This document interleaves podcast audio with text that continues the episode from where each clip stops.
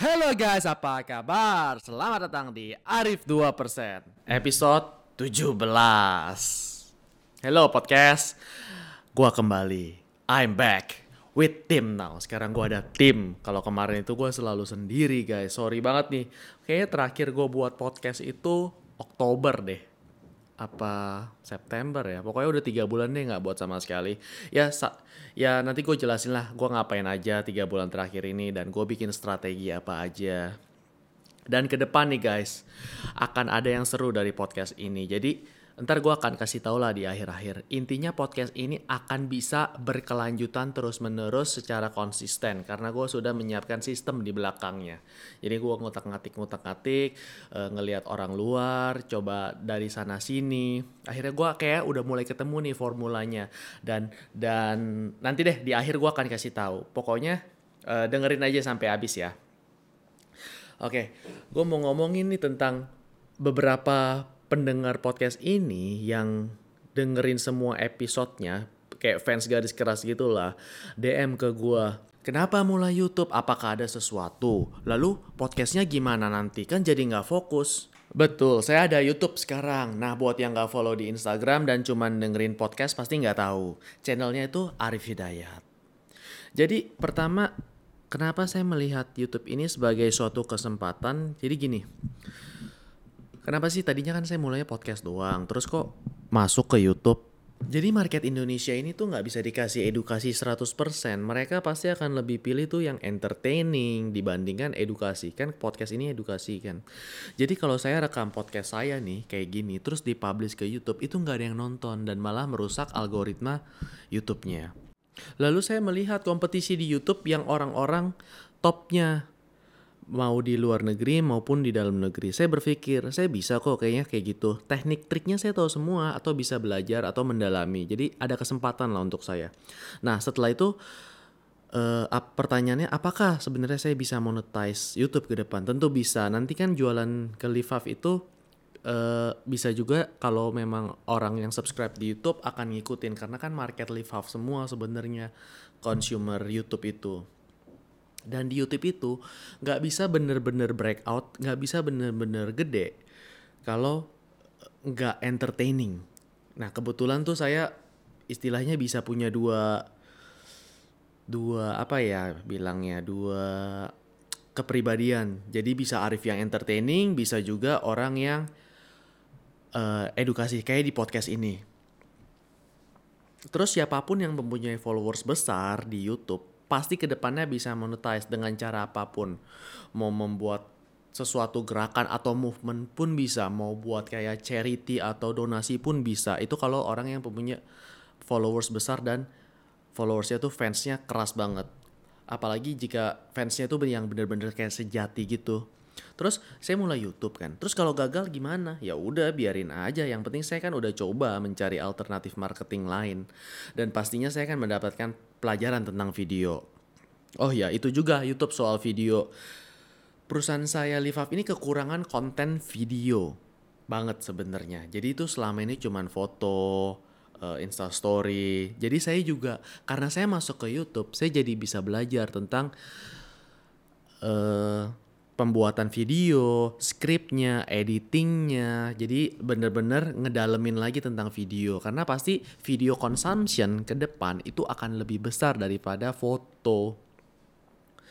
Dan menurut saya kalian pun jika mempunyai usaha atau bahkan profesional nih dan mau mempunyai kesempatan sukses itu harus coba semua sosial media. Saya salahnya memang YouTube ini baru mulai, nggak mulai dari 2015, 2016. Jadi sedikit telat. Karena uh, kalau memang bidangnya di sosial media bukan di sosial media sih sebenarnya. Di zaman sekarang tuh marketingnya ya udah sosial media semua. Dan karena bidang marketingnya sosial media semua ya udah harus dicoba. Nah, ketika kita bisa menguasai semua sosial media tersebut, nah kita bisa melakukan apa pun tuh yang kita mau. Terus ini kan saya buat YouTube nih. Waduh, itu susah banget awal-awal. Apalagi uh, banyak yang ngatain saya juga ini mulai YouTube kan banyak teman-teman influencer saya bilang ngejek-ngejek lu ngapain lu mulai kayak gitu lu kira gampang semua mau jadi youtuber kayak gitu jadi bukan yang kebantu malah ngebuat saya down Tapi gue oke oke aja lah dengan hal itu biarin aja nggak apa-apa. Karena gue gua ngerti juga sih di posisi mereka. Mereka itu takut marketnya itu diambil sama gue. Karena mereka itu ketika mereka mulai itu edit sendiri, syuting sendiri, belajar sendiri. Lah saya kan udah ada perusahaan nih Live yang kayak gitu ya udah saya tinggal uh, rekrut tim, hire orang dan diskusi dengan orang-orang tersebut saya bisa bangun tim, hire produser sendiri, konten kreatif sendiri dan nah karena mereka melihat itu mereka jadi kayak anjir kalau semua yang pengusaha mulai YouTube dan langsung bisa buat tim sebesar atau sebagus itu. Bukan gua sih maksudnya orang lain. Pasti mereka marketnya akan banyak yang diambil. Terus gue juga kenapa nih gue baru mulai sekarang? Kenapa nggak dari 2-3 tahun lalu sih? Kan udah emang udah terkenal YouTube-nya dari 2-3 tahun lalu. Nah itu dia. Gue tuh uh, terlalu fokus kepada Instagram foto. Dan gue sebenarnya waktu itu bingung.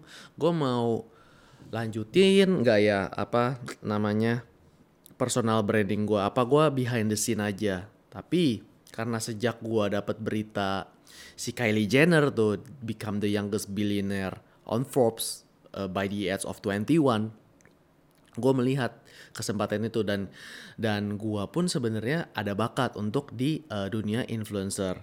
Tapi yang pada akhirnya kan gue monetize ke Livaf juga sih terus kalau ada yang nanya lu nggak takut apa brand lu jadi alay karena lu kan di YouTube uh, Arif Hidayat itu bukan as a CEO bukan Arif satu yang edukasi, uh, bisnismen, tapi Arif dua yang konyol, yang nggak karu-karuan lah. Gue bilang sih nggak masalah lah ya. Orang kalau memang udah profesional, kalau orangnya udah tahu, itu tahu kok semuanya itu nggak real, nggak nggak 100% bener. Karena tahu, I mean gini loh, lu nonton film Hollywood, pemainnya antagonis. Emang uh, orang tersebut aslinya jahat kan enggak kan? dan gue gue dulu itu nggak mau mulai karena gue kepikiran soal itu gue takut uh, kalau partner bisnis gue lihat dia akan mengira diri gue nggak capable tapi setelah gue pikir-pikir kalau memang dia pintar seharusnya dia bisa berpikir wah bener juga ya dia melakukan hal tersebut untuk ngambil market untuk nanti dimonetize terus podcast gimana nih? Rif, lanjut nggak? Nah, justru di YouTube itu jika gue makin terkenal, jika banyak yang uh, view-nya makin gede atau subscriber-nya makin gede, pasti makin banyak juga yang dengerin podcast ini. Jadi gue bisa memberikan sesuatu yang uh, faedah juga. Tadinya misalkan podcast ini yang denger cuma 10 ribu, tapi karena kalau YouTube-nya meledak, jadinya bisa 100 ribu yang denger podcast. Begitu. Jadi sebenarnya itu kayak funnel atas gue sih banyak yang nonton, akhirnya kan pasti beberapa nyangkut lah ya yang mau dengerin ke podcast ini. Terus kalau gue jenuh di YouTube gimana? Ya udah gue stop aja, lanjut kerja as a CEO. Tapi kan gue udah belajar banyak tentang creating content sama entertainment industry. Gue tahu kalau mau buat konten nanti ke depannya tentang video kayak gimana. Jadi gue selalu coba hal-hal baru dan ketika baru coba hal baru pasti akan ada yang bilang kalau lu akan gagal, uh, salah langkah lu atau nggak ngeremehin gue. But it's okay. Kayak gitu di gua gua banyak kok yang bilang kayak gitu di semua hal apa pun yang gue lakukan. Termasuk ketika gue mulai live up. Setelah gue berhasil baru pada ikut-ikutan kayak gue di fashion tas sepatu dan mungkin podcast. Eh, podcast gue juga sebenarnya kan udah mulai lebih awal daripada yang lain dari 8 bulan lalu lah. Cuman emang gue bukan di dunia entertain bukan di dunia yang influencer dan gue belum bisa lah ninggalin bener-bener untuk kerja serius di dunia uh, influencer. Jadi pas masih kayak cicil-cicil aja. Ini aja podcast kan baru mulai lagi. Tapi ketika gue mulai lagi nih, gue udah siapin strateginya, gue udah disiapin sistemnya ke depan. Yang akan gue ceritakan nanti. Abis terakhir-terakhir. Jadi jika kalian nih ingin melihat perjalanan YouTube saya, boleh banget di subscribe di channel Arif Hidayat. Saya mencoba upload di sana seminggu satu kali sih minimal. And let's see lah satu tahun lagi. Will I give up in three months? Maybe jika tidak ada traction, but at least I already taste and learn the entertainment industry. Apalagi sekarang subscribernya udah 22 ribu apa 20 ribuan lebih lah, lumayan banget sih sebenarnya. kalaupun gue give up sebenarnya gue bukan give up tapi gue pikir gue mikir mungkin waktu gue lebih worth it di tempat lain dibanding create konten mungkin emang gue nggak bisa di depan layar tapi bisa di belakang layar anyway let's see lah Jangan lupa juga kalau kalian mau ikutin bisa ke YouTube terus subscribe channel YouTube saya yaitu Arif Hidayat. Next nih, gue mau ngomongin TikTok. TikTok itu sebenarnya itu dari zaman Musically dulu namanya. Cuman dibeli sama uh, ByteDance ya dari Cina. TikTok ini gue udah coba nih berkali-kali dan wah ini organic reach-nya itu masih tinggi banget. Kalau kalian belum ada, jadi gini guys, segala sesuatu sosial media itu dimulai dari pasti anak kecil dulu kayak Facebook dulu tuh kan SMP gue zaman SMP apa SMA ya baru baru uh, orang generasi yang mulai sosial media yaitu Facebook nah setelah itu baru anak kuliah habis itu orang kerja baru ke orang tua bahkan sekarang malah anak SMP SMA udah jarang banget lah yang main Facebook. Kebanyakan itu didominasi sama orang tua. Nah, demikian juga sebenarnya TikTok. TikTok itu yang masuk masih anak-anak e, bocah tadinya itu tahun lalu. Umur bangsa 8 tahun, 10 tahun dan benar-benar yang bangsa alay banget, yang parah banget.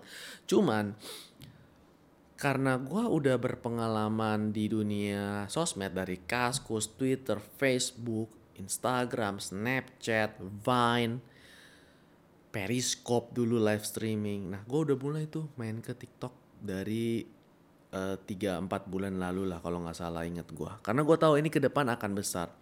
Dan bener aja Januari ini semua influencer di Instagram main TikTok semua, buset.